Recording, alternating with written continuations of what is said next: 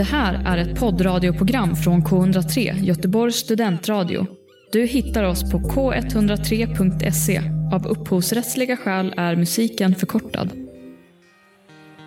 Men när vad heter det, Uefa och Fifa ville sätta hårt mot hårt och det snackades väldigt intensivt om att de här lagen i Superligan får inte vara med i våra turneringar. Alltså EM, VM, Premier League, alla inhemska kupper.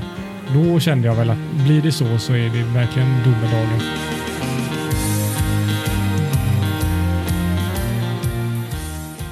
Varmt välkomna till Fotboll kommer hem. Om jag minns rätt så är detta avsnitt 22 och vi har haft en vecka där kanske matcherna inte varit i fokus och detta ska vi lägga tid på idag. Fulltaligt i studion. Jag sitter och rattar. Vi har Daniel, Karl, Jesper och så Adam på länk. Jag är taggad, jag hoppas ni är taggade. Jesper sitter med mobilen så därför går vi till dig Karl. Hur är läget? Jag mår bra. Det är lite, lite morgontrött ändå. Vi kör tidig inspelning idag onsdag. Eller tidig och tidig, tidig för oss studenter i alla fall. Um, som inte går upp vid sju, åtta. I alla fall inte jag. Danne kanske gör det som uh, kör sin 16 weeks of hell just nu. Jag vet inte. Nej, jag, jag gick faktiskt upp vid sju idag. Men det är inte på grund av det. det är några som, vi lägger om golvet hemma, så de kom kvart över sju och då ville jag vara vaken. Eh, så därför gick jag upp klockan sju.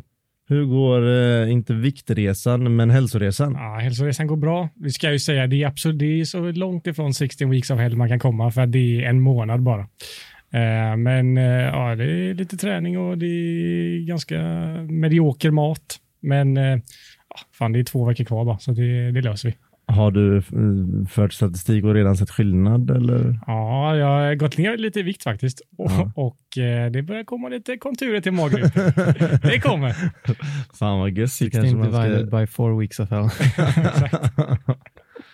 Nej, men vadå så långt ifrån det kan vara är det ju absolut inte. Du nej, gör det nej, bara men... fast det är ett kortare, kortare format. Ja, ja, det är exakt. ju all eloge. Eh, Jesper, jag har kört two days of hell. Och det innebär? nice. jag har bara rört på mig. Mycket öl? Ja, ja nej, nej. Men jag har cyklat eh, till min kompis och cyklat hem då. Eh, Starkt. Ja. och så gjort lite annat. Alltså rört på mig också. och detta snackar i helgen då, alltså din helg har varit detta? Nej, alltså de här två dagarna. Ja. ja. ja kul. Så äh, trött blir ett sömnigt avsnitt tror jag. Nej, nej, nej, det ska vi andra se till att det inte blir. Eh, Adam, jag var inne på att matcherna inte var så roliga, men eh, United är ett av få bra lag som eh, vinner. Eh, utöver det, hur är läget? Um, det sjuka är att jag och Daniel som pratar så ofta, jag fick reda på nu att han kör träning så som han gör och eh, faktum är att jag gör detsamma just nu och tränar varje dag träningspass i en månad. Vadå? Har du bara prickat in en four weeks of hell också? Ja, men det är uppenbarligen har vi lyckats göra det samtidigt. Det visste jag inte förrän nu, men eh, så är det. Själsfränder. Vad sjukt. Alltså jag mm. tror de har kuppat in detta. men eh, att, eh, att minimera måttet till fyra veckor, är det någonting ni har läst någonstans eller har det båda bara great minds think alike? jag vet inte ens varför det blir fyra veckor. Det måste börja någonstans och jag har väl hört någonstans att för att få in någonting, att det ska bli någon form av rutin så ska man väl börja där så får man se om det ska vara lättare i alla fall att få det att fortsätta sen när man ger sig fan på att köra fyra veckor. Ja, sen så är man ju också svag för livet goda så jag tänker ju inte liksom begränsa mig. Fan, det är maj och sommar och sånt ja. kommer. Det är helvete ja, att jag inte ska dricka bärs och ja, äta gött. Liksom. Ja, finns det en chans att ni fortsätter fyra veckor? Fortsätter fyra veckor. Fortsätter efter fyra veckor? Jaha, nej inte med kosthållning och sånt, men fortsätta träna är ju tanken. Mm. Vi har ju som jag nämnde lite snabbt haft en vecka med lite, ja, där matcherna absolut inte varit i fokus. Det är någon form av supermonstruös eh, pengaliga som sattes på tapeten och sen slogs ner lika fort. Eh, vi ska prata mycket om det idag, men eh, först Daniel, jag tänker att du ska få få eh, svepa igenom helgen som varit bara för att vi kan, ska kunna bocka av matcherna och sedan gå direkt på detta. Då. Känner du dig redo? Eh, det blir ju ett litet tuttobalutto-svep. Ja, men det vad fan. Det, så att, eh, visslar vi... du igång sen då Harry? Med... vad sa du? Visslar du igång sen? Jag visslade igång. Nej, men vi ska liksom inte säga att vi, vi, vi inte... Det snor vi ju rakt av efter de här. Ja, men Det är de snor saker av oss, det ska ni vara på. Sant. Ja, ja, Kör när men- du är redo. Okej. Jaha, vad hände egentligen i Premier League under helgen? Minns vi det? Nej, men vi kickade igång omgången i fredags där Tottenham gästade Everton. Tottenham tog som sig bör ledningen för att sedan kapitulera totalt och ge bort sina tre poäng. Och har du Holmgren, vad säger du? Är släkten värst? Jo då, men så är det. Gylfi Sigurdsson piskade in Evertons båda baljor om nu någon hade väntat sig något annat. Poängräddare för Tottenham? Harry Kane såklart. 2-2 och kampen om fjärdeplatsen glider de båda lagen ur händerna. På lördagen var det som upplagt för West Ham att koppla grepp om fjärdeplatsen och Europas finrum nästa säsong. Tog man den? Nähä du. Total kollaps mot pissiga Newcastle. 3-2 till skatorna efter händelserika sista 20 som tog tre ruggiga poäng i bottenstriden och skapade sig lite andrum ner till strecket. Och ni som på allvar trodde att West Ham kommer spela Champions League nästa säsong, tänk om och tänk rätt. Wolverhampton vann mot Sheffield. Punkt. Eller just fan, kanske värt att nämna att vi rent matematiskt nu faktiskt kan vinka adjö till Sheffield United. Adjöss, goodbye och sayonara. Sen var det Arsenals tur att på riktigt sätta press på lagen runt fjärdeplatsen. Dassiga London-rivalen Fulham kom på besök och sommarstädade av dem. Eller? 18-3 avslut i Arsenals favör slutade givetvis med 1-1 och ännu ett poängtapp. Sanslösa Eddie, poängräddare i sanslösa 97 minuter. United då? Jo då, de hade väl svårast motstånd av alla lag i helgen, eller vad säger du Adam? Stora, stygga, oövervinnliga Burnley kom på besök till Drömmarnas teater. Vad hände? Jo då, United tog efter en krampaktig första halvlek en kassaskåpssäker seger med 3-1. Oväntat? Helt sjukt oväntat om du frågar Adam Fröberg. Massa grönskogar i alla fall på riktigt. En fröjd för en fotbollsälskare att se. Två nya kassar in på hans konto. Nu då! Äntligen skulle Liverpool få drömchansen att rädda säsongen och vara det enda laget som kopplade grepp om fjärdeplatsen i matchen mot Leeds. Så kaxiga och självsäkra på saken att man satte skytteliga tvåan, den egyptiska kungen Mohamed Salah på bänken. Rätt beslut? Ja. Sadio Mané börjar med att rulla in boll i tom kasse efter att Ilan Meslier, ursäkta för bedrövligt uttal, hade lite otur när han tänkte. Men det var inget som räckte då Leeds trots allt tränas av mäktiga Marcelo Bielsa och då skapas lägen. Diego Lorente nickar in 1-1 målet i 87 och det femte poängtappet bland lagen i fjärdeplatsracet denna omgång var ett faktum. Det hela, det, det hela bäddades till sist upp för Chelsea att en gång för alla pissa lagen runt om dem i ansiktet och koppla ett sjuhelvetes grepp om CL-spel nästa säsong. Gjorde man det? Nej. Graham Potters charmiga Brighton var för tufft och här mäktades ingen trepoängare med. 0-0 och ännu ett antiklimax. Jaha, det var typ all fotboll som spelades under helgen. Eller ja, just det. Det var lite cupmatcher också. Det behöver nämnas att FA-cupens semifinaler spelades och vi har två finallag. Leicester vann som sig bör mot Southampton och ställdes i final mot ett Chelsea som tvålade till Manchester City och krossade deras kvadrupeldrömmar. Så, där har ni det. Mer än så behöver ni inte veta. Tack och adjö för den här gången. Om Tutte lyssnar på det här så kommer de ju vilja värva in den. Ja, jag tyckte det är otroligt bra. Ja, det gick lite snabbt. Vad Fastnade ni på någonting i det där mm, fina, fina svepet? Nej men det är jävligt eh, kul att ingen, av, ingen, vill ha topp, eh, ingen vill ha den här fjärde platsen. Ja. Och jävligt skönt att eh, Chelsea krossade Citys kvadrupeldrömmar. Ja. Tycker vi det? Eller ja, varför de kan få in i kvadruppen, det har väl varit ganska Ja, mäktigt. men det, lägg ner City nu. ja lite så. Lägg ner. Lägg Ja. ner. Eh, ja, jag fastnade lite på, eh, jag vet inte, jag bara får en känsla på i Tottenham. Alltså, det snackas ju om extremt många tränare. Han har ju inte nämnts, Nej, okej. vad jag har sett. Nej. Men eh, gärna för mig. Ja, men det är, alltså jag vet inte, det är sån otroligt löjlig svensk koppling vi har till Graham Potter, men ändå hyser man någon form av respekt eller liksom beundran över hans Otrolig spel. människa ju. Ja, ja, verkligen. Och han är verkligen, han spelade ju bra fotboll med Östersund och gör ju detsamma med Brighton. Han har ingen anfallare bara. Eh, så det känns ju verkligen, man skämtar ju om Harry Kane i Brighton i topp 5-lag, men Potter i Tottenham kanske är ett eh, liga contenderlag. Vem vet? Vem vet? Vi får se. Jesper, inget du... Nej, jag vill bara att de ska ta, ta tillbaka Tactics Team. Nej, det kommer inte hända. Tror du inte det? Nej. Men, eh, Vad var Tactics Team? Tim Sherwood. Ja, Jaha. Han, eh, ja. Spelgeniet. Mannen, myten. ja, han som upptäckte Harry Kane. Ja, exakt. Nej, men ehm, kul med Ryan Mason eller? Ja, det är ju jävligt eh, fint. Han, sen ska ju alla bara veta att han kommer ju inte vara kvar så som liksom Ole har fått sitta kvar. Eh, utan han kommer ju vara Tottenhams tränare de här sju matcherna. Men det är jag, Men hur gammal är han? 29, så han är ju yngre än många i truppen. Ja, för han la väl av på grund av hjärtproblem var det väl? eller? Skallen. Det var skall... Han, han nickade ihop med Gary. Cahill. Har han varit tränare för eh, U21-laget eller har han varit... eh, Ja, inte u men U, ja, något U-lag. Eh, Men det är väl lite typ eh, crowd-pleasande att ha honom som tränare, för han är väl en Såklart. publikfavorit. I, alltså, alltså gud ja. ja, Eh, han var ju en av spelarna som var liksom starten på den resan vi gjorde med Pochettino. tillsammans med Bentaleb och... Ja, man. Och Harry Kane för den delen. Ja. Eh, Så jävligt fint och det, det kan ju bli otroligt fint om man lyckas vinna ligacupen på, på söndag eller lördag. Vad fan det är. Eh, Och han blir också yngste Premier League-tränare någonsin. Adam, är det något du tar med dig från den här lite halvtråkiga omgången innan vi går in på det viktiga som har hänt? Jag noterade ju piken eh, gällande våran vinst mot Burnley, men det var ju ändå inte helt eh, så som Danne lägger upp det. Vi har inte vunnit mot dem på hemmaplan sedan 2015. Det tycker jag ändå är anmärkningsvärt mot ett sånt lag som ändå är ett bottenlag som man ska vinna mot och särskilt på hemmaplan. Så att få bryta den trenden var väl ändå skönt.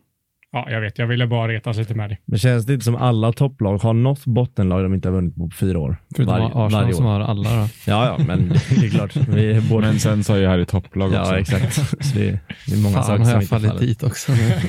Man har väl alltid sina buggy-team, så är det. Ja. Vad säger ni grabbar, en jingel och ta tag i det, det stora bastanta? Vadå för något? Mourinho out. Har det hänt något? Ja, just det. Det har hänt. Det är för mycket som har hänt. Vi går vidare.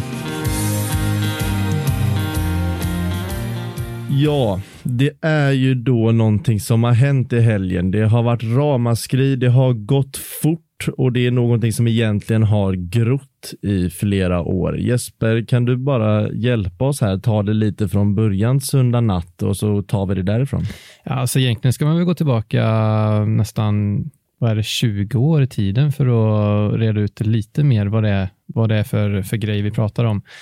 Det var väl egentligen, eh, eh, jag har inte årtalet, men det har ju pratat om en superliga i många, många år och det är framförallt Florentino Perez i Real Madrid som har velat genomföra någon typ av, eh, vad ska man säga, Europa-liga eh, som går rätt över kontinenten med de bästa lagen och eh, sen så var det väl så att det slog ner som en eh, blixt från klar himmel. Det kanske inte har chockat så många supportrar att det skulle hända någon gång, men det var väl i söndags natt som det kom ut ett eh, pressmeddelande kan man väl säga från den här nya The Super League.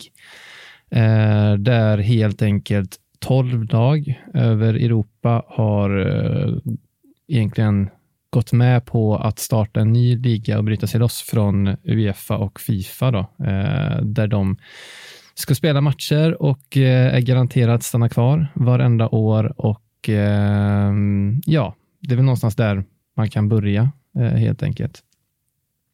Ja. Ehm, vad kan man ta mer? Anledningen till att han gör det är ju som Florentino Perez är för att rädda fotbollen. Ehm, alla lag som går med i den här ligan är väl garanterade 400 miljoner euro eller vad är det de får? Adam, du kanske har siffran i ditt huvud. Ja, det var väl 4,5 miljo- mil- miljard. Var. Ja, är precis. Ja, svenska 400 kronor. miljoner. Ja, eh, och att eh, det är så att eh, varenda klubb i dagens, det är ju egentligen ett, sp- alltså ett hjul där föreningarna har försökt att, de har ju satt sig i den här sitsen helt själva kan man ju säga genom att pressa upp priser inom allting. Och sen så pandemin har vissa som bortförklaring att när den kom så brakade väl alltihop som den här bubblan som byggts upp under många, många, många år. Eh, och att nu har alla klubbar stora ekonomiska problem och att detta då skulle gå in och täcka de problemen eh, och helt enkelt göra så de klarar sig rent ekonomiskt. Det är väl eh, det starkaste argumentet de har, eh, kan man väl säga. Ja, och problemet här är ju inte att folk vill bevara någon, folk av, någon form av Champions League till sitt fulla hjärta. Delvis det, men det är väl inte, det är väl ingen som håller Uefa och Fifa högst upp som de mest eh, mänskliga rättigheter förespråkarna eh, heller och framförallt kanske inte har prioriterat fans. Problemet med superligan är att det blir ett något form av amerikanskt format där 12 eller till och med 15 lag, det var 12 i söndags, blir någon form av grundarlag kallades de som ska delta i en liga där de inte kan åka ut och så varje år ska det bjudas in fem ytterligare lag som har presterat förmodligen i ja, andra europeiska turneringar för att spela och vara med det året. Och det har ju då, eh, det, det är ju en, eh, i de flesta, nästan allas supporters åsikt, ett piss i ansiktet på alla Ja, alla kärlekshistorier som Leicester till exempel och att sånt inte kan hända. Du kan inte degraderas helt enkelt. Så den enda anledningen att du får din plats där är på tidigare meriter och rika ägare. Det var lite intressant, för när jag satt och sökte på detta lite i morse så hittade jag en, eh, en ganska intressant, ett, ett utdrag ur en bok som en, vad är den, amerikansk samhällskritiker och historieprofessor som heter Christopher Lash har skrivit från 1977. Och ur den boken eh, som heter The Corruption on Sports, eh, eller det kapitlet heter The Corruption on Sports, då finns det ett citat som säger så här, ska vi se om ni håller med om vad han säger om detta.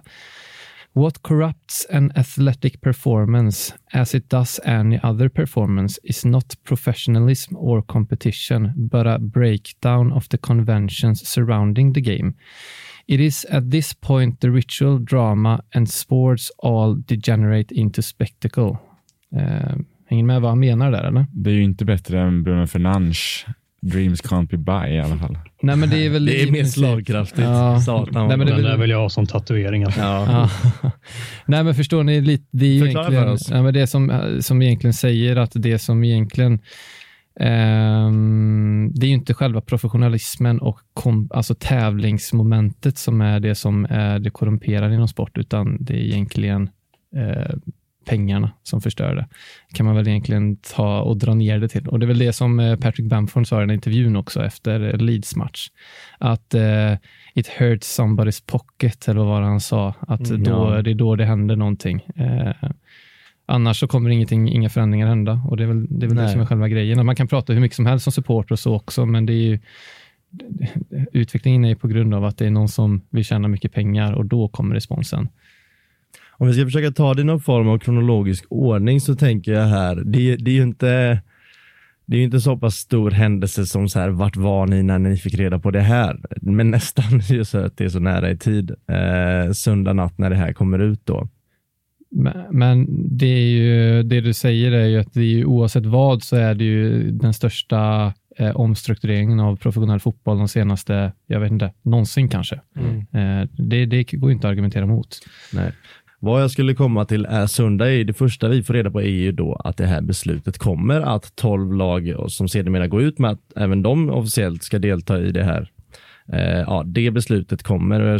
Vad var er tanke, första tanken när det här kom? För att det, för min första tanke var att det, den här ligan ersätter Premier League eller liga Serie A.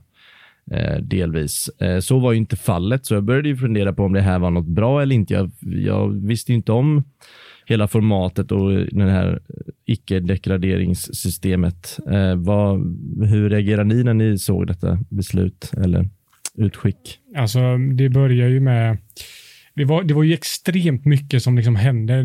Twitter är ju liksom där, det är där man fick sina, fick information egentligen, eller jag fick i alla fall, det var där jag tog åt mig allt och jag kände att jag behövde, innan jag ens tyckte någonting så behövde man faktiskt få lite på fötter vad det innebar innan man, för det var, man såg ju bara att folk säger det här är det värsta som har hänt fotbollen och det skulle jag också kunna tycka och det tycker man ju kanske, men jag kände att jag behövde veta varför det var så. Uh, så jag, hela måndag morgon så att jag bara försökte eh, sortera lite vad, vad som var sant och vad som inte var sant. Uh, och sen så stördes det lite av att uh, Mourinho blev sparkad samtidigt. Uh, men när vad heter det, Uefa och Fifa ville sätta hårt mot hårt och det snackades väldigt intensivt om att ja, men, de här lagen i Superligan får inte vara med i våra turneringar, alltså EM, VM, Premier League, alla inhemska kupper. Då kände jag väl att det här, det, blir det så så är det verkligen domedagen för en, för en supporter i alla fall, rent liksom hur man följer sitt lag. Verkligen, jag tänkte bara på det. Alltså, då, två saker som jag minns tydligt från den tidiga, det tidiga skedet av den här karusellen är delvis när det kommer till hoten då om att spelare från de här tolv lagen inte ska få ställa upp i olika nationella turneringar med sina landslag. Då tänkte jag ju att nu har ju Sverige chans i sommar. Det var ju min första tanke. Ta bort Kulusevski, Zlatan och Lindelöf då. Jo, men ta bort alltså hela jo, jo, Portugal, absolut. hela Tyskland, ja. hela Frankrike liksom. Det var en tanke. Sen en, den andra man satt ju fast i Twitter. Jag vet inte om det bara var jag. Jag Jo, kan ju bara jo. tänka mig hur mycket timmar Adam la. Det ska vi komma in på sen. Men jag satt ju fast i Twitter i alla fall i måndag, tisdag. Eh, och något som jag störde mig på, ni får, nu ska- bara för att verkligen ta det här från första början, det är när Johanna Frändén tweetar ut gulligt att Arsenal, jag har det här framför mig, fruktansvärt gulligt att Arsenal är tilltänkta för en superliga. Och då tänkte jag, jo men det, det har han väl rätt i.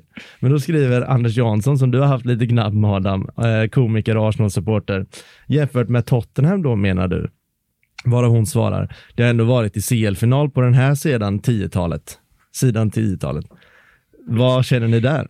Det är väl korrekt, men det var också roligt. Eh, såg ni inte den här ehm, programledaren, i- om det var BBC eller någon, någon, något engelskt tv-program som sa de, stör, de fem största klubbarna och Tottenham har valt att gå med i ligan. Men det är lite det jag menar. Alltså det är klart, ja, informationen hon ger är korrekt. Men är det verkligen gulligare att Arsenal blir inbjudna än Men det är Tottenham? det som är så absurt med det här, att ni ligger liksom 10 eller 9 i Premier League och så går ni med i en superliga. Då handlar det ju bara om pengar och... Ja, men alltså det var också det man till slut fattade att för Arsenal Tottenham en sån jävla superdeal alltså. Ja, Det är ja, alltså ja. kanon. Var De, alltså, rent sportsligt håller ju liksom det här Big Six-grejen håller ju faktiskt på att glida oss ur händerna Arsenal och Tottenham. Ja. Vi är ju inte där vi liksom varit. Ni är inte där ni har varit. Vi är inte där vi var under Pochettino. Att då liksom få, få chansen att befästa liksom sin makt i fotbollsvärlden. Det är klart man tar den. Ja, det var ju också så när jag, när jag märkte att alltså, om folk skulle lämna det här. Jag visste att Arsenal skulle inte gå eh, först ut i det där tåget, för de tjänar ju så mycket på det här. De väntar ju på att vi går ju tvåa, trea såklart, så att vi inte blir det svarta fåret, men vi blev heller inte, vi tar inga, tar inga beslut här. Men det kan ju ha varit, eller det måste ha varit en sån dominoeffekt tycker jag, att, att ehm, tre, fyra lag eh, ville gå med. Då måste ju två lag hänga på. Du kan, om det är Big Six, Big Six så kan du ju inte, då måste du hänga på den, den vägen. Liksom. Ja, det hade ju inte gått. Och det var ju det som var jobbigt för mig som Liverpool-supporter att veta att det var liksom FSG, ägarna, som hade slagits för detta. Liksom, att vi är en av de drivande klubbarna i det här. Och det gjorde en illamående liksom, och tappade ju helt eh, suget att ens någonsin titta på Liverpool igen. Mm. Mina vänner, min vän skickade i måndags när han och hans polare satt och drack en bärs på en uteservering och hade så här spinning wheel på, eh, på mobilen. De skulle lotta vilket Premier League-lag de skulle hålla på i resten av sitt liv. hade tagit bort de här Big Six då. jag var ju nästan där och vände jag själv. Men ni svarade inte på min fråga. Är det, är det gulligare att Arsenal blir inbjuden än Tottenham? Ja. För jag blir arg. Ja, jag tycker också det faktiskt. Du menar att Arsenal, eller Tottenham har presterat på en nivå som gör att de förtjänar mer plats än Arsenal? Men de är i alla fall lite mer up to date än vad Arsenal är. Med deras arena och med deras framgångar och var de har kommit i tabellen. Var det typ sex år rad de kommit över Arsenal? Jo, men ja, framgångar. Är, Men jag Alltså, menar, ni har- vi tycker olika där helt Ni, enkelt. ni har ju liksom meriter liksom i bagaget och vi har väl kanske presterat bättre sportsligt de senaste åren. Det, det, Jag, ans- jag, jag tänker bara när det kommer till som vi snackar om bara ekonomiskt och världs, alltså, världsomvälvande klubbar som håll, har supportrar över hela världen så anser jag fortfarande Arsenal större än Tottenham. Ja, Men det är är min. Rent liksom... alltså jag rent tror Sam Kroenke satt ju där och bara gona sig. Här Gon- pengarna in. Gona sig. ja. Ja, nej. Eh, där har vi någonstans Men, eh, söndagen. men är det inte en annan tanke bara på hela den här grejen? Orsaken till att det blir ett, alltså orsaken till att man tänker på det som man gör, det är ju för att när sporten bara nu, man är kanske bunden av det här traditionella, att man spelar engelska ligan och sen när Champions League, det liksom exotiska i, i hela grejen.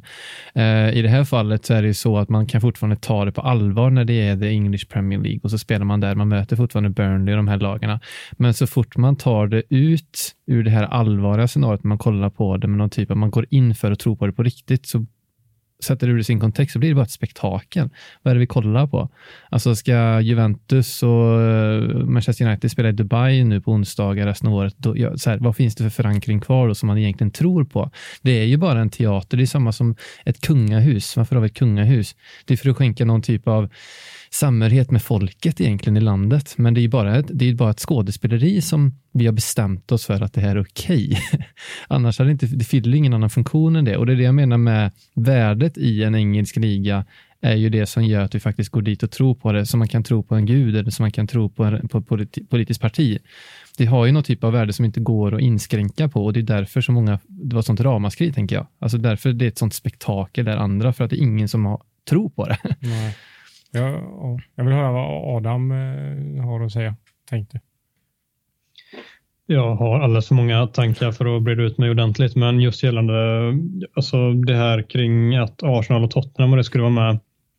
Det, det har varit jättemycket reaktioner på varför sådana klubbar är med och inte eh, Ajax eller eh, den typen av mer historiska klubbar. Och kort och gott, det är, alltså då har man väl missat poängen med varför dessa klubbar har gjort superligan. Det är endast på grund av pengar och de här klubbarna, Tottenham och Arsenal med några till av de som är med som till exempel AC Milan som inte har varit i Champions League på typ 6-7 år eller vad det nu är. Det är, ju, alltså det är enbart för att de lockar mest tittarsiffror. Det är de som flest ser på runt om i världen. Det handlar inte om att man ska ha varit bäst de senaste åren. Det handlar om att man ska ha flest tittare. Det är det som baserar hela superligan i grunden som gör att de ser en chans att tjäna så mycket extra pengar än vad de har gjort tidigare. Och, eh, det är ju inte de här maktkåta och pengakåta presidenterna och ägarna osugna på direkt. Om man ska försöka vara pyttelite objektiv i den här diskussionen och det Jesper är inne på att man tar bort hela charmen på något sätt och liksom, eh, ja, det där supporterskapet blir ju pissat på på något sätt. Om vi skulle införa en superliga, vi kan ju inte bortse från helt att det är, jag hade ju spelat världens bästa fotboll i den ligan. Och det är ju väldigt många som, som inte har ett helgjutet supporterskap som uppskattar världens bästa fotboll. Fast vad är världens bästa fotboll då? Fin fotboll som spelas på få touch, många mål, snygga mål. Ja. Men det, det, är väl, det, det är väl där som det är sån uh, motsättning då, för att alla tycker inte det är kanske världens bästa fotboll. Nej, exakt, men man måste, jag menar bara att vissa gör ju ja, det. Kvalitativt, om man, alltså på mätinstrumenten så kommer det vara den som går snabbast och kommer vara rent kvalitativ kanske bäst, men mm. subjektivt och så, så kanske det inte är den som kommer vara världens bästa fotboll. Eh, Nej. Det är väl därför som man fortfarande går och kollar på division 4. Varför skulle man göra det annars i, i nordvästra Götaland? Annars, ja. på ett sätt. Eller... Jag, jag, menar bara att du säger man och jag tror inte att du representerar alla. Jag tror det finns folk som ser på den här superligan som fan var flott att få se varje vecka få se en riktig jävla toppmatch. Jag tror folk gör det. Absolut ingen majoritet. Jag försöker inte ta en annan sida i det. Jag bara menar att det finns ju vissa, det finns ju pros med det här.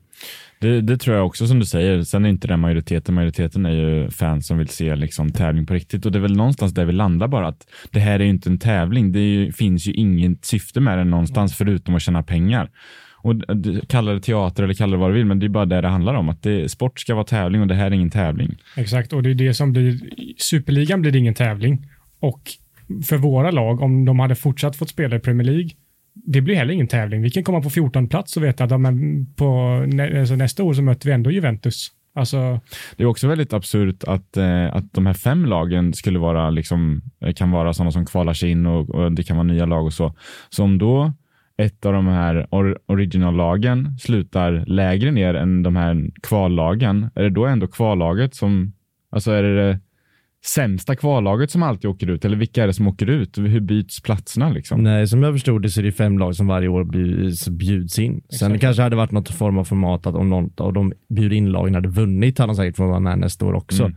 Men jag tror ju alla hade slopats och antingen nya eller nya inbjudningar i alla fall. Mm. Eh, helt eh, ja, icke beroende på hur det ser ut i tabellen som slutas.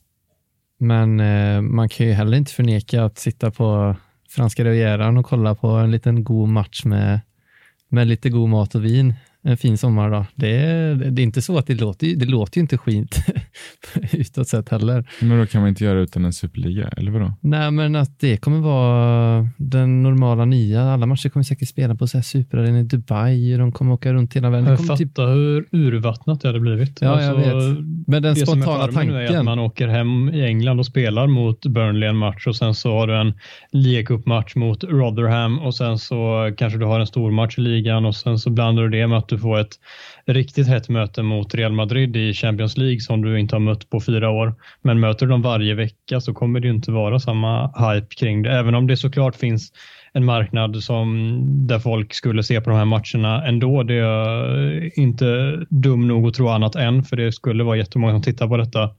Men det skulle ju också, de skulle ju förlora liksom själen och alla de som faktiskt brinner allra, allra mest för fotbollen och sina klubbar.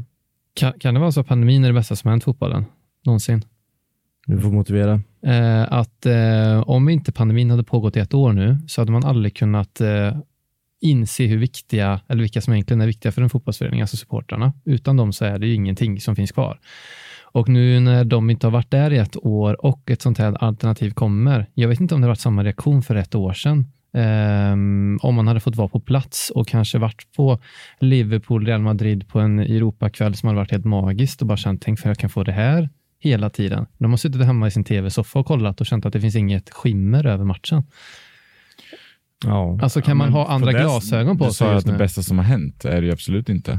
Det är ju också, pandemin är också en anledning till Ja, att den vi här säger så att den idén är helt hände. Eller många då? vägarna har ju Många vägarna har ju haft det som motivering till att de vill gå med i den här ligan för att vi har, vi har så dåligt ställt så det, Men du har så det kan behövas. till viss del rätt med att pandemin har ändå bevisat någonstans supporternas kraft i fotbollsvärlden och hur viktiga de är.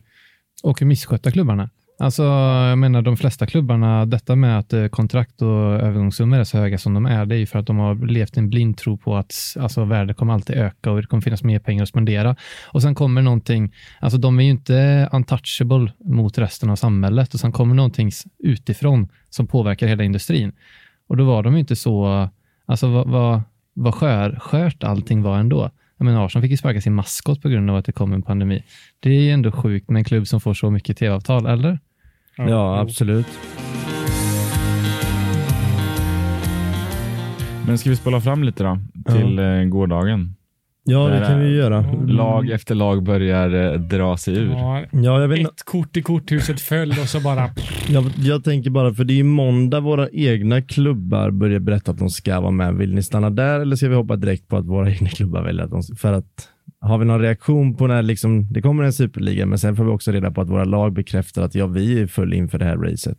Fast vad var det så då? Ja, Jag bara för mig att de har presenterat namn och ingen uttalar sig från klubbarna. Jo, Jo, alla, alla klubbar. Ja. Arsenal också. Eh, alltså, vi gjorde det, det kan man tycka var möjligt, men vi sminkade över den grisen genom att det liksom, från att få supportrarna mot sig till att gå med i den här superligan, sparka Mourinho och så liksom blir ju alla supportrar jävligt glada. Och så man glömde av, just det, vänta lite, superliga-grejen.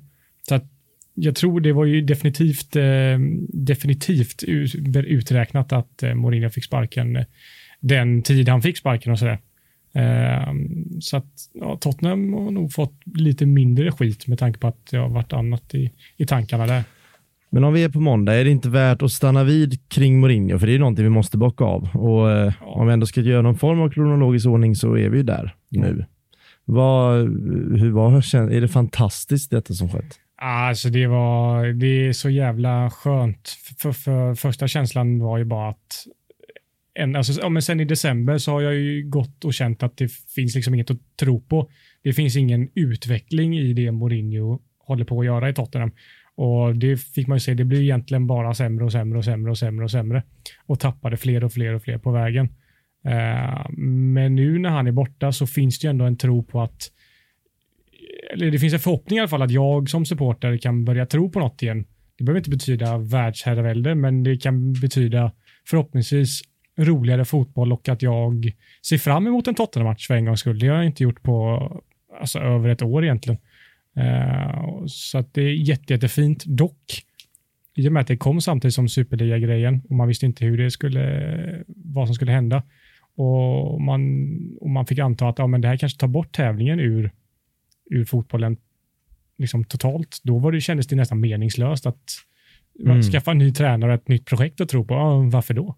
Nej. Men hade, hade den här sparken att göra med att det kom en superliga? Nej, absolut ingenting vad jag har förstått. Det kom ju rykten om att Mourinho hade vägrat ta ut spelarna på, på, på träning i en protest mot eh, att Tottenham gick med där, men det var bara bullshit. Och det är vi säkra på. Det är vi annars hade det ju varit lite ett fint avsked. Absolut, absolut, men det är vi väldigt säkra på. Ja, vad säger ni? Ingen Mourinho kvar i PL. Är det bara bra? Lite tråkigt. Ja, det det är är tråkigt. uteslutande tråkigt. Ja. Eh, men eh, det är väl också läge för honom att inse kanske att han inte hör hemma där. I alla fall inte i någon av Big Six-klubbarna. Eh, Han kommer tillbaka till typ West Ham eller någonting om Ja, två jo men år absolut. Ett han vara- mittenlag eh, kan han absolut eh, ta hand om tror jag. Men sen kanske han också vill sondera andra europeiska ligor. Han har ju vunnit Serie A La hans Liga. ego är för stort för det. Jag tror också I det. alla fall de närmsta åren. Men kan ni inte se honom komma tillbaka och ta ett litet pisslag och sen gå in så in i bänken och så kommer han liksom gå runt och fira på varenda arena han är. Alltså som en revanschlust bara. Jag ser ju mer ta en klubb i Italien som kan vinna. Ja, samma. Vem ska ta han då?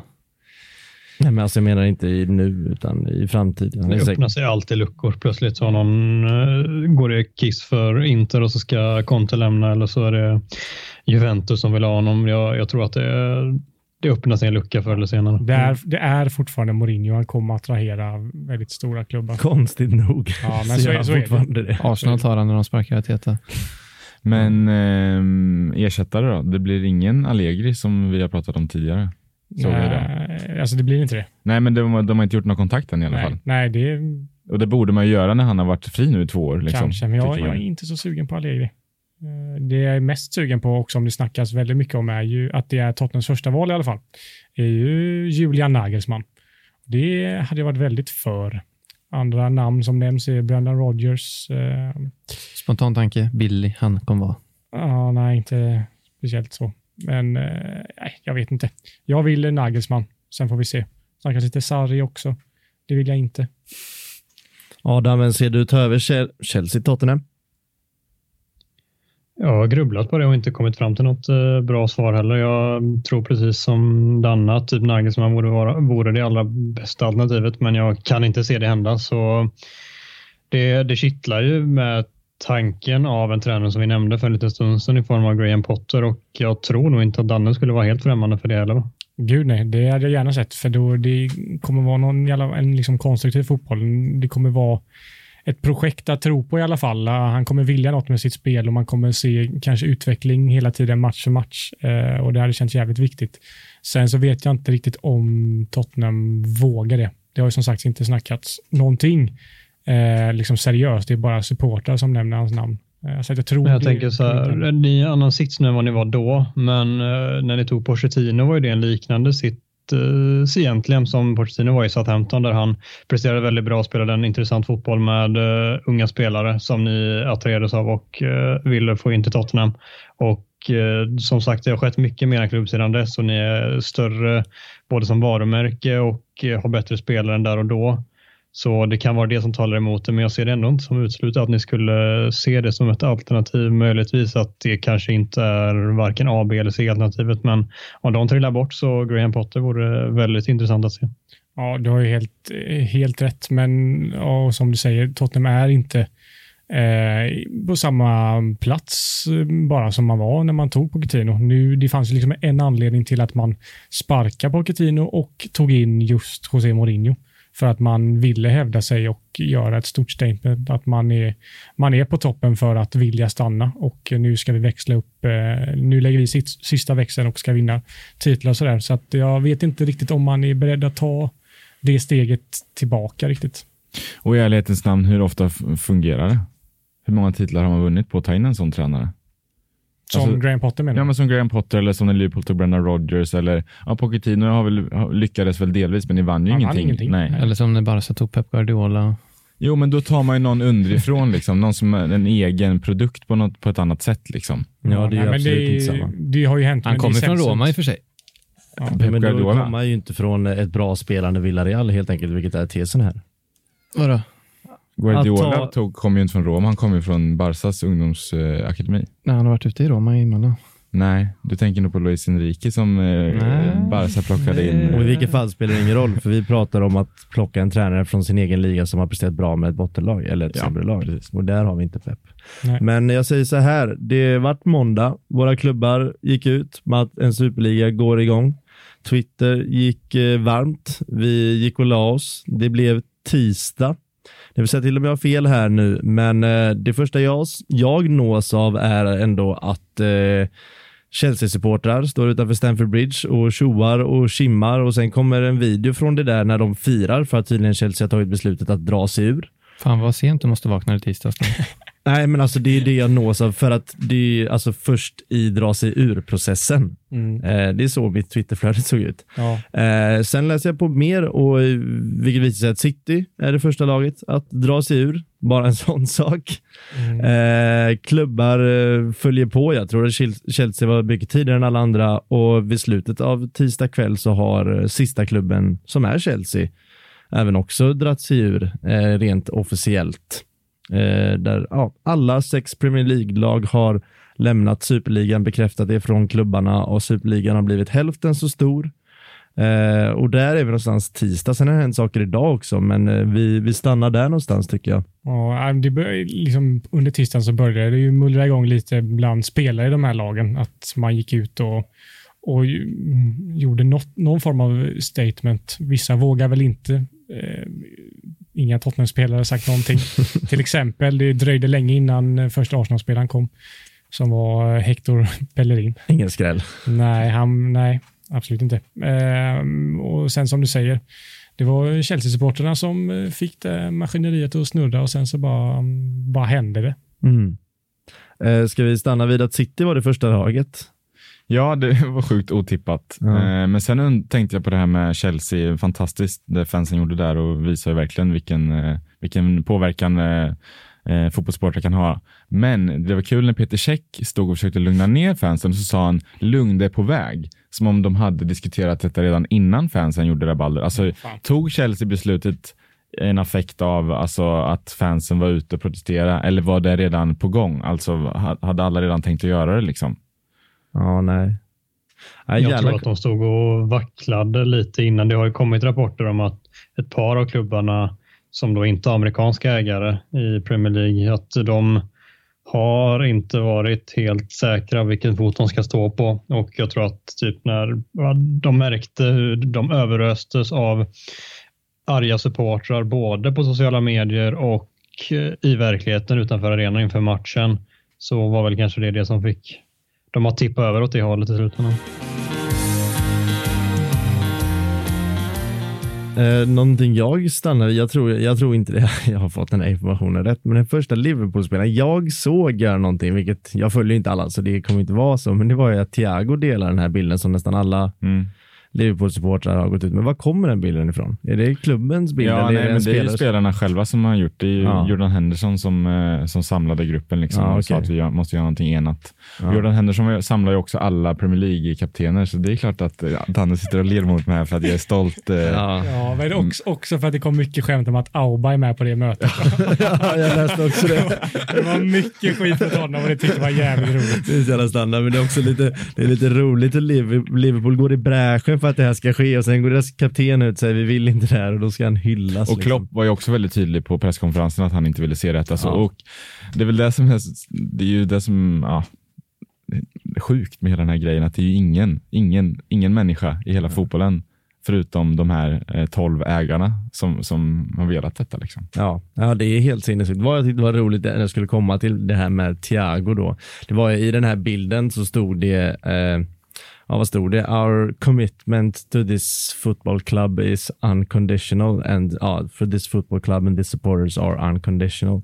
Och så tyckte jag bara det var lite kul för den första jag ser dela det här då är Thiago så jag tänkte, har Thiago liksom skrivit det här? Alltså, och så varit där, gjort typ sju inhopp och så varit i uh, Barca, Bayern och sen Liverpool. Ja, jag tyckte det var lite kul men självklart är det inte hans var det inte hans uppfinning. Han delar väl bara vidare eh, en bild. Men vad känner ni kring, alltså om vi bara ska försöka ta det lite mer personligt och gå till er egna klubb.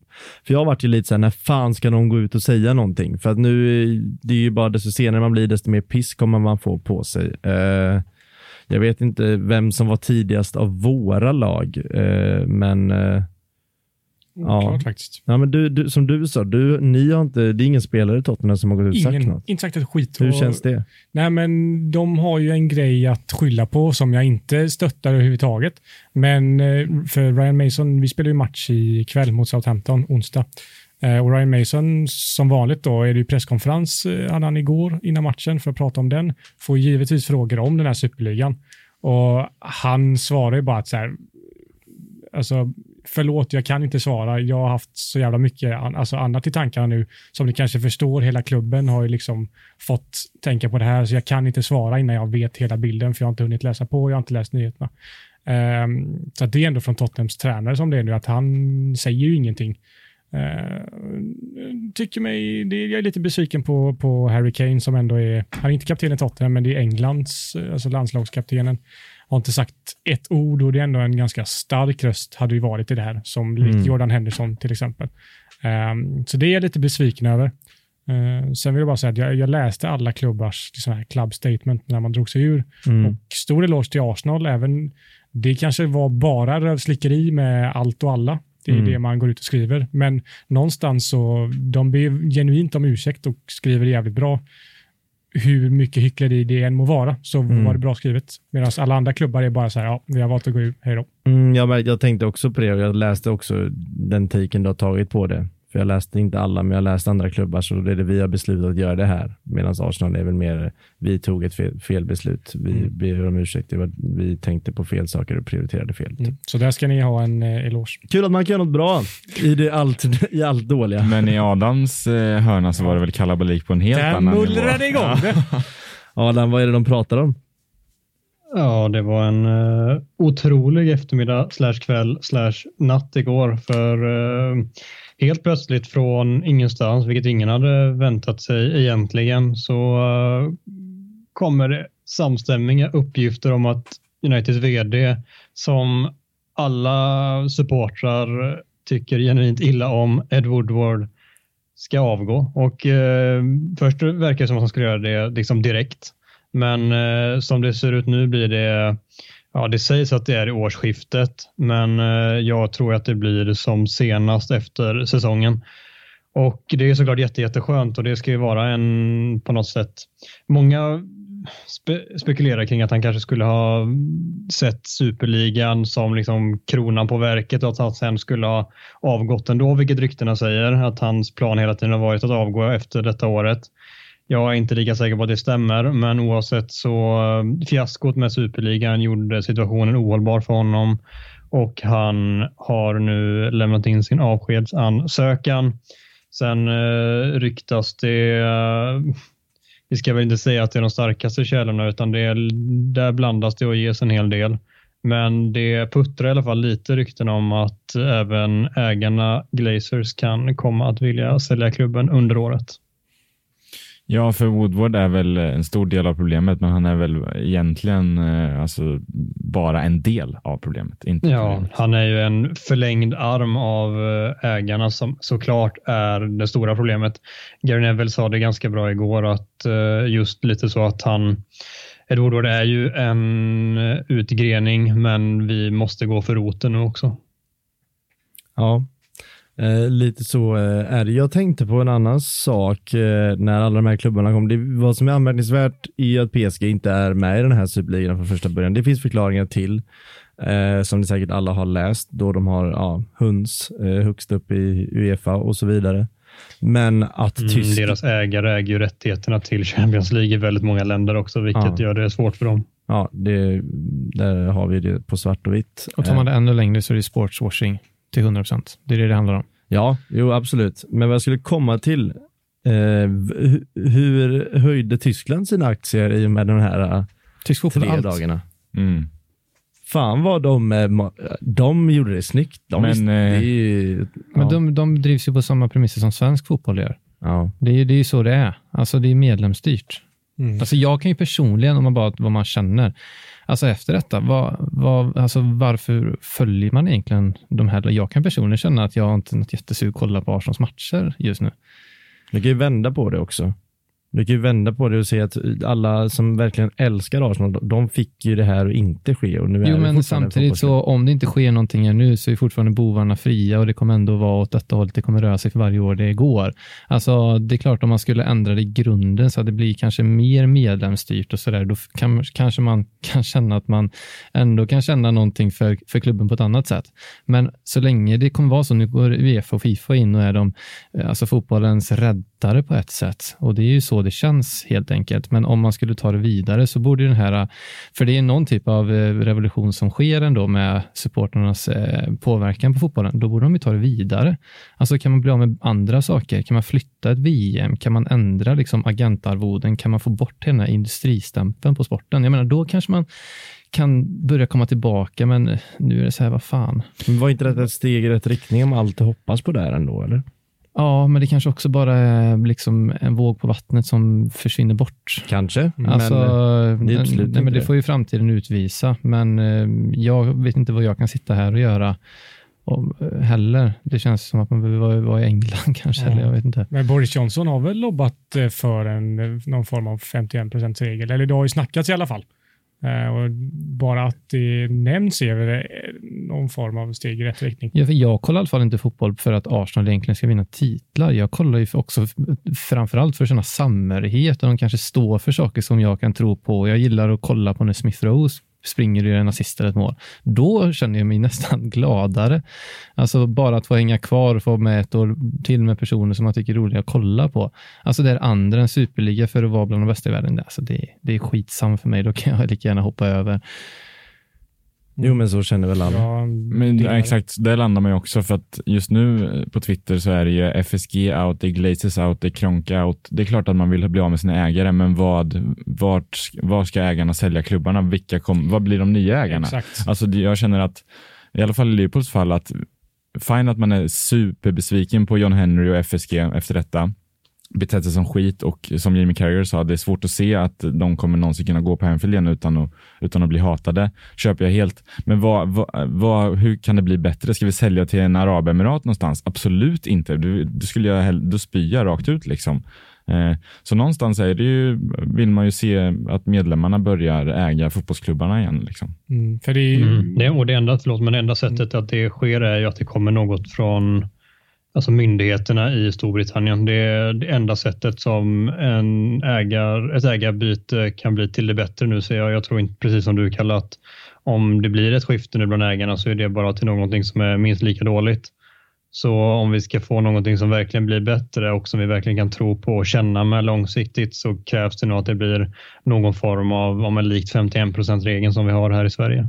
Ja, för det är ju, nu är det ju snack om, som vi säger, att alla liksom ska, det är dags för dem att, att avgå sådär. Och då går jag av till Tottenham och Tottenhams eh, vd, liksom Daniel Levy, motsvarigheten till Ed Woodward i United, eh, att han ska avgå vill jag inte. För att han, det är en kille som jag vet, han hejar på Tottenham, eller han har ju varit säsongskortsinnehavare när han var yngre och ah, han håller på Tottenham, han är där på varje hemmamatch jag vet ju att han bryr sig och han någonstans så, så håller han på Exakt, Tottenham och det är ingen som bankman som inte kan ett skvatt om sporten utan det är någon som faktiskt håller på Tottenham och vill Exakt. klubben väl. Exakt, Även om han det, har sina sätt att göra det på emellanåt så vill han ju väl i grunden. exakt, men- och det är få förunnat i fotbollsvärlden. Alltså så här, när var Kroenke på en Arsenal-match senast? Nej, det är hans son då som styr skutan här Ja, nej, men, så eh, att, eh, om han ska avgå, då, vem kommer in? Liksom? Det vill jag inte. Men det, det är väl det, om man skulle ha en 51 regel så röstar ju medlemmarna fram vem som kommer styra klubben. Och i Tottenhams fall så kanske de hade röstat fram Levy. Mm, exakt. Och då är det någon som man kan backa i alla fall och så har man nya val inom kanske fyraårsintervaller eller sådär, där man får en ny kandidat får presentera sin vision, vad man vill med fotbollen och sen så får medlemmarna rösta vem de vill ha och sen får de genomföra. Det känns ju mycket vettigare.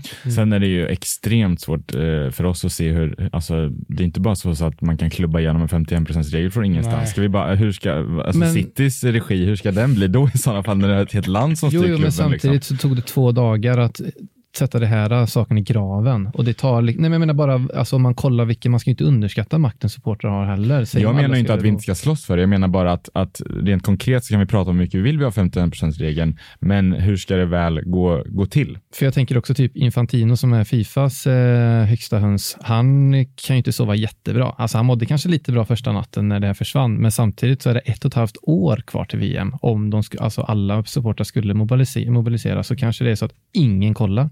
Mm. Skill menar, skillnaden där är, är ju att det, det, det kommer ju inte ske. För problemet med VM i Qatar det är ju att folk som får sju kronor alltså, i lön för att få stenblock över sig dör. Flera tusentals dör i bygget av arenor i Qatar, men det är ingen som, det är ingen som bryr sig om. Det är sporten vi bryr oss om. Jo, Förstår du vad jag menar? jo men det, Det är ju samma sak som Patrick Bamford gick ut och sa, att liksom, tänk om de här rörelserna hade skett kring all rasistanklagelser och händelser som faktiskt sker på plan. Det kommer ju aldrig hända, för det, det, det är inte lika viktigt för oss som sport. Fast samtidigt, om Jordan. Henderson hade gått ut och sagt att jag bojkottar VM nu på grund av mänskliga rättigheter. Han kommer inte så- göra det. Nej men, nej, men jag menar bara, tänk vilken eh, makt det finns. Men om vi säger så att han inte kommer göra det, ja, men varför kollar man då? Jag kan ju personligen känna, varför ska jag kolla på det VMet? Ja, jag är med dig helt, men, men samtidigt som du sa, vi var inne på den med tröjorna och det här, du sa ju också att det var helt tandlöst. Alltså när vi pratade om att eh, landslagen eh, gjorde human rights-tröjor och sånt där. Ja, jo, jag vet, det är ju det, men jag menar om de skulle få med sig supportrarna på riktigt, det har de ju obviously fått den här gången. Mm. Alltså, då kanske det kan vara skillnad. Jag vet inte. Jo, men jag tror verkligen att, att, det kan, att man kan försöka göra en sån grej, men, men samtidigt får man också skilja på eh, fans till eh, fotbollsklubbar och fans till eh, länder. Alltså, du slåss ju hårdare, i alla fall i England slåss du ju hårdare för din egen klubb än vad du gör för landslaget. Liksom. Ja, Ja, och det det, är det, lands, ja. sorgligt. ja, ett landslag vill du ju bara ska se vinna turneringar. Och du vet, alltså, formatet har ju inte förändrats. Du har fortfarande chans att vinna den turneringen. Men vem kan ärligt känna att de känner någonting för VM i Qatar utav oss? Alltså på riktigt, som ska spelas i december. Ja, det är det som gör mest ont nästan. Ja, jag håller med. Nej, men alltså, jag, vet, vadå, jag vet när dagen kommer kommer jag sitta med mina vänner, dricka hur mycket bärs som helst och ha det hur underbart I som helst. december. Jag kommer, vadå, det kommer vi ju göra, hur Nej, tragiskt jag vet- det än är. Du kommer göra samma sak. Nej, jag tror jag kan läsa om vad det gick i matcherna, men inte kolla. Alltså. Ja, absolut. Jag tror inte på det, men ja, jag vet, jag vet att jag, jag kommer har falla en dit som starkare vänster. moralisk kompass än vad ni har. Nej, jag har ju inte det. Jag satt precis och sa att det är skitsamma där, det är ingenting som händer, det är en piss i havet, det kommer inte komma någon vart. Och sen börjar du slåss för att det kan ja, hända men, någonting. ja, men nej, jag sa bara att det kan mycket väl vara det, men det är klart om det skulle vara något annat än en piss i havet så kanske det sker en förändring. Annars är det bara fuck it, då kan jag göra Ja. någonting annat med mitt liv. men det Då kan jag gå, ingenting. liksom, gå på promenader när det är fotbollsmatcher. Jag kan eh, göra surdegsbröd. Det låter som att du mig. vill något, men du är uppgiven och inte eh, liksom. Ja, men det är lite så det är. Men samtidigt, ja, det är klart att alla kan göra något, men det krävs ju att någon som kan göra mycket börjar. Ja, Mm. så är det. Men eh, åter tillbaka till eh, Woodward, Adam. Vem, vad händer nu? Blir det en sportchef och vem i sådana fall? Och... Ole Gunnar som interimsportchef. Alltså, så sitter han Vi har ju redan eh, infört en form av sportchef för en månad sedan ungefär. Första någonsin i klubben. Vi har ju en technical director i eh, Darren Fletcher och så har vi en football director i eh, John Murtog som eh, båda två plockats invändigt såklart. Jag minns inte om vi pratade om det i podden någonsin, vilket är rätt sjukt i så fall, för det är en jättestor grej i United. Oavsett så har vi det för stunden och det kommer inte att ske någon förändring där, men vad som händer med Woodwards ersättare, omöjligt att tippa. Blir Glazers kvar så blir det ju någon person som är stöpt i samma fotboll ungefär, någon som fungerar på liknande sätt som kan vara deras nickedocka och eh, därför är jag inte jätteoptimistisk till det om det blir så att Glazer blir kvar. Däremot så kan vi i så fall hoppas på att den som de tar in kan lite mer om sport, är lite mer intresserad av sport och då framförallt fotboll och Manchester United. Exakt vad har Edward, eller vad har han gjort liksom? Rent konkret i ett, ett fotbollsbygge, vad gör, eh, vad har den för arbetsuppgifter den människan? Han har ju fram till nu då när vi eh, skaffade då en, eh, ja, men mer en sportslig eh, utgrening uppe i toppen av hierarkin så har ju han gjort egentligen allt. Han har legat bak, han har ju dirigerat såklart uppgifter neråt eh, hela tiden, men han har varit den som ska signera alla beslut som fattas, alla värvningar, allting ska vara han och Glazer som signerar i slutändan. Och eh, han har suttit vid förhandlingsbord med spelare, med eh, sponsorer, allting egentligen som rör United, eh, Uniteds A-lag framförallt eh, har han varit eh, delaktig i och är väl ganska enkelt att dra en tydlig slutsats också att han kom in precis när Sir Alex slutade efter David Gill och eh, 2013 och vi ser alla hur det har gått sedan dess. Sen i sitt eh, avskeds eh, pressmeddelande igår så eh, försökte han slå sig för bröstet för att vi har vunnit Europa League, ligacupen och FA-cupen under hans eh, sju år i, eh, i klubben. Och eh, med det sagt så Ed Woodward innan dess också var han den som hjälpte Glazers att köpa United för över 20 år sedan och har varit i klubben sedan dess. Bara att han har fått bättre och bättre roller och till slut då när Sir Alex lämnade så fick han vd-rollen. Något som så mycket annat har fallit mellan stolarna, likt Mourinhos sparkning, det är ju mm, Auba tar ju faktiskt med sig det i sitt uttalande när han uttalar sig kring superligan och att det är bra, att, ja, att det var bra att, det, att de drogs ur Arsenal är ju även att eh, polisen som mördade George Floyd för ett år sedan som gör att vi alla sitter på knä inför matcherna, vi alla ska jag inte säga, men att alla spelare gör det, eh, har ju blivit found guilty on all charges. Vilket är något positivt i hela den här vevan och mer än så behöver vi inte gå in på det så mycket mer, men det är något, något positivt har hänt i alla fall som vi tar med oss. Eh, fantastiskt att, eh, att eh, det fick det slutet på något sätt, någon form av redemption ändå. Eh, eh och på Arsenal-spåret så är det ju faktiskt så vi har varit inne på ägare hur länge som helst och att strukturerna är detsamma. Även om man byter ägare kommer det kanske en ny, rik, ekonomiskt intresserad man in ändå. Men Arsenal ska ju också protestera utanför Emirates på fredag med det var ju tanken för den här superligan då, att den skulle väck, men nu är det tydligen motivet Stan Kroenke out då, som protester ska föras utanför Emirates på fredag. Får vi se hur, eh, eh hur det går. Mm. Eh, men vi, vi har pratat mycket om att klubbarna dras ju vid tisdag. Vi spelar in här eh, onsdag Eh, och i morse eller sent i natt så har Juventus president Agnelli eh, enligt Reuters har ju bekräftat att superligan eh, läggs ner helt enkelt. Det är så? Ja. Mm. Jag har inte hunnit se. Eh, vi, och nu är vi här i realtid onsdag helt enkelt. Eh, det är sant. Du behöver inte dubbelkolla på din telefon. Då.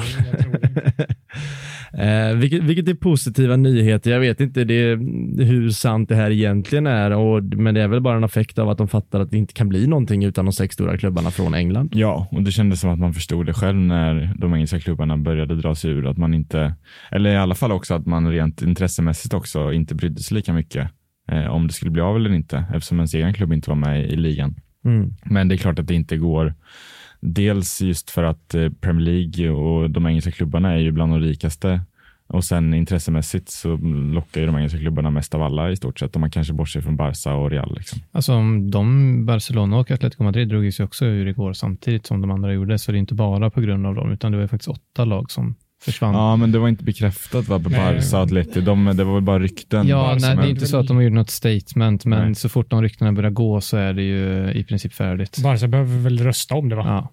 Så att, eh, Faktiskt var... fint. Ja. Eller det sjuka är att de inte röstar för att gå med, utan de måste rösta för att gå ur. Ja, ja, men, men, men, förhoppningsvis då, för att någonstans knyta upp säcken, så hoppas vi att det här någonsin aldrig igen sker. Eh, att vi bara kan, att när vi tittar tillbaka på det här om tre år, fem år, tio år, så kan vi bara skratta åt den här fula jävla loggan, The Super League och de här statements som skickade ut och, och liksom att vi aldrig mer behöver uppleva det här igen. Liksom. Men det jag funderar över då, det är ju att vad har Uefa lockat med? För att detta inte ska bli av. Jag menar, det nya Champions League är ju faktiskt nästan det, det rör sig väldigt mycket mer mot en superliga. Det blir ju allt svårare för alla andra lag att kvala in som inte har varit i, i den eh, turneringen på många, många år. Liksom. Du kan i princip komma åtta eller nio i din inhemska liga nu, i alla fall i Premier League, och ändå vara med utifrån de, hur de senaste åren har varit. Så um, om, jag, om jag har tolkat rätt, det kanske Adam vet bättre än mig, men eh, men den, den blir allt mer stängd också för alla andra, så jag tror ju att vi rör oss ändå mot en superliga inom Uefas ra, ramar inom några mm. år. Så det, det kommer liksom, oavsett vad så är det, det kommer målas över och Uefa kommer ge dem lite pengar för att de stannar kvar och sen så kommer det bli ännu mer låst ändå. Och då, jag vet inte, det är det här som man behöver egentligen ta upp också så att det, man blir medveten om det. Exakt. Ja, det får inte stanna vid, vid detta liksom nu att vi är nöjda för att det inte blir någon superliga. Då är vi ju tillbaka bara det var för typ en vecka sedan. Utan, eh, och såklart att det har skett saker som påverkar fram till att det kanske inte blir någon överhuvudtaget någonsin. Men still vi är tillbaka på en plats där Champions League har röstat igenom ett nytt format från 2024 där 32 lag blir 36 och det blir i form av eh, miniligor där det spelas efter den schweiziska modellen som det kallas och två lag kommer att eh, kvala in på sin eh, Uefa klubblags ranking. Om det är så att man inte har kvalat in då så kommer de som är två, de två högst upp på rankingen kommer att kvalas in oavsett om de inte har gjort det via sin eh, liga. Så det blir ju mer och mer åt det hållet att det stängs och att det kanske mindre och mindre handlar om det sportsliga. Men det är inte lika långt gånget som superligan då tänkte göra och dra det. Och det är väl också, mm, eller konspirationsteoretiker, eller man kanske inte behöva vara konspirationsteoretiker, utan det kan väl bara vara en tanke att eh, Uefa har eh, lockat med pengar för att de ska in, strunta i superligan. Att eh, de här tolv klubbarna då har fått en slant nu för att eh, gå ut och säga att det inte blir någon superliga. Ja, money rules. Mm. Helt enkelt som eh, Leeds spelade på uppvärmningen mot, mot Liverpool. Fan vad billiga poäng man tar alltså. Ja, men det, vadå, Leeds ska få ta de billiga poängen. Jag tyckte det var genialt. Men de som Ja, har det varit var- värst är ju Wolves som har skrivit att de vann. eh, Ja. du vet, och sen nu skriver de Not longer the winner. Southampton delar ju det och Ja. skrev typ on the, We're concern, on the concern of the winner of Premier League 2014-15 för då Ja. vann ju då Southampton helt enkelt. Eh, ja, jag vet inte. Vi, vi, det är ett långt avsnitt redan. Vad känner ni? Vad har vi inte bockat av? Att vi alla ska börja prata tysk fotboll nu framöver för Ja. alltid.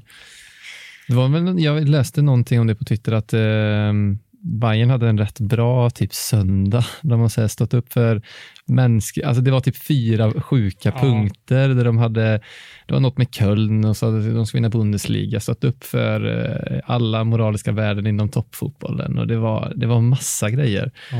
Men det är lite, jag stör mig lite på Red Bull Leipzig eh, går ju ut och, och eh, höjer rösten om att det här är skit. En inbjudan där till dem, de är ju där direkt liksom. Det, ju, det, Ja, ja. det känns ju verkligen som att Så gud ja. Ja, alltså aldrig Nej, låter, kanske Bayern och Dortmund, för de har ju förmodligen tagit ett beslut att inte vara med. Mm. Ja. Mm. Men det är ändå Eh. kul eh, Leipzig som de hade. Nej, fan vi kan sälja ut all våran själ och hjärta, men någon superliga det ställer vi inte upp på. Nej. Där går fan gränsen. Problemet är väl att Leipzig är väl typ inte ens medlemsägt. Liksom. Att det är väl, eh, Nej, nej, nej, det är ju, det är ju, det är ju det på typ pappret om jag förstår det rätt. Ja, men precis. det är inte det. Så att då, eh, det handlar väl om att de inte fick frågan bara. Liksom. Antagligen.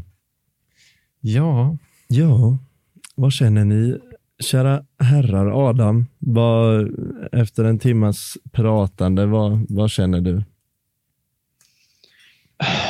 Att, eh, jag vet inte riktigt, för jag, jag, precis som några har varit inne på redan, när allting eh, briserades ut om superligan så tappade jag jättemycket lust för fotbollen och, och Manchester United och Premier League där och då. Och det kändes väldigt mörkt och jag förstod också att det skulle lägga sig lite och, och sådär med tiden. Men jag kände liksom att allting all energi, all tid, alla känslor man investerat på något sätt skulle mynna ut i detta kändes så eh, tungt och orättvist. Och nu har jag så svårt att bara direkt kasta mig tillbaka och känna att allting är fine och det ska bli så kul att kolla fotboll igen. Jag tycker det ska bli roligare att se matchen mot Leeds nu till helgen än vad jag tyckte för ett dygn sedan. Men eh, jag är fortfarande inte på samma nivå som innan. Det är väl någonstans det, eh, där jag vill lämna vidare. Mm, jag håller med dig. Jag kollar faktiskt inte ens på Liverpool Leeds som jag ska välja. Jag klarar inte av det. Nej, jag gjorde inte kolla inte Arsenal lördags innan beslutet kom.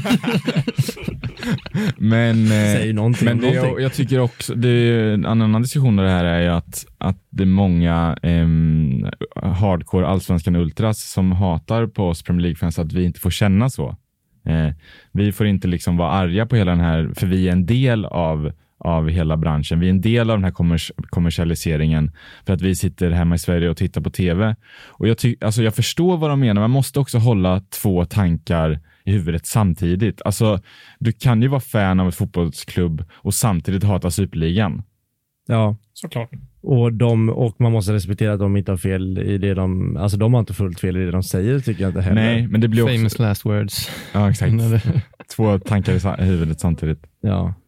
Ja, nej jag håller med dig men jag, eh, ja, vad säger jag tycker ändå inte de är helt, de, de är inte helt fel ute. Det är, jag kan förstå att någon som är så djupt in, ja, djupt såld i sitt lag, går på varje match, är en sådan supporter till en allsvensk lokal klubb att man inte riktigt kan förstå hur vi kan fatta ett supporterskap som eh, knappt ser matcherna Men det har väl också att göra med träffar att- folket. Allsvenska lag finns inte i alla städer. alltså hemifrån mig så Göteborg är ju nära, men det är klart om man skulle haft ett något allsvenskt lag i staden, Mm. då hade det ju varit skillnad. Alltså. Ja. Eh, Alingsås har väl inte något allsvenskt lag så länge jag har kollat, eller? Nej, det är division 3 på här sidan. Och det är ännu värre om din klubb som du har spelat i ditt liv och inte tyckt om har gått och blivit en allsvensk- klubb som min hemma i Varberg. Sitter han och tar offerkofta ju- här över att. Varberg gör stordåd.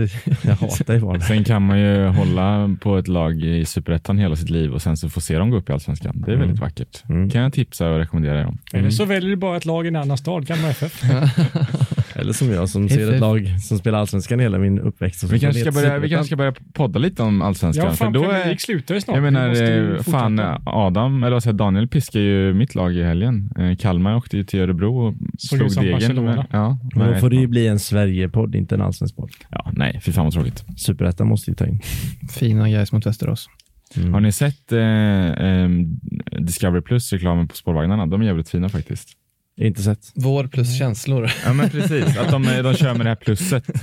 Eh, och så har de typ en bild på August Erlingmark när han eh, tjafsar med domaren. Står det så här oskyldigt plus dömd. Alltså sådana där grejer. Lite fiffigt. Ja, ja. Det, jag fick andra tankar när det står oskyldigt plus dömd. Alltså bara med metoo i åtanke. Vad fan? Det är den sjukaste asso- associationsbanan jag varit med om. Så där kan vi inte avsluta ett avsnitt. Vad händer här? Göran Lambert sa det när, Om vi ändå ska vara en allsvenskan podcast kan vi också prata om Jocke Perssons uttalande om domaren häromdagen. Han sa att de inte hade blåst för våldtäkt ens en gång. Ja, ja. fy fan vad han går var bort sig.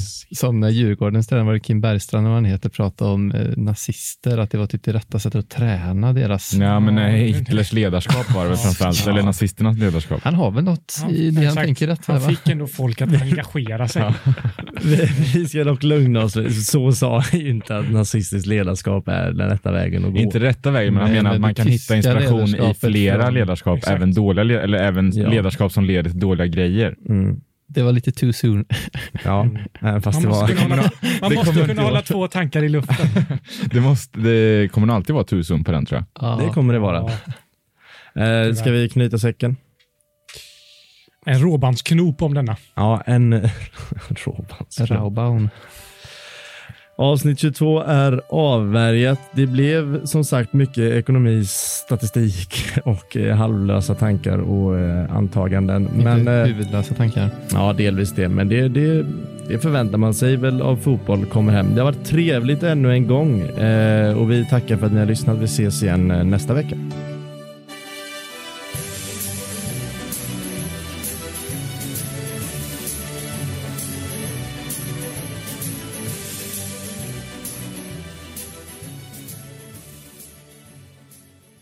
Du har hört en poddradioversion av ett program från K103. Alla våra program hittar du på k103.se. Följ oss gärna på Facebook eller på Instagram. Vi hörs!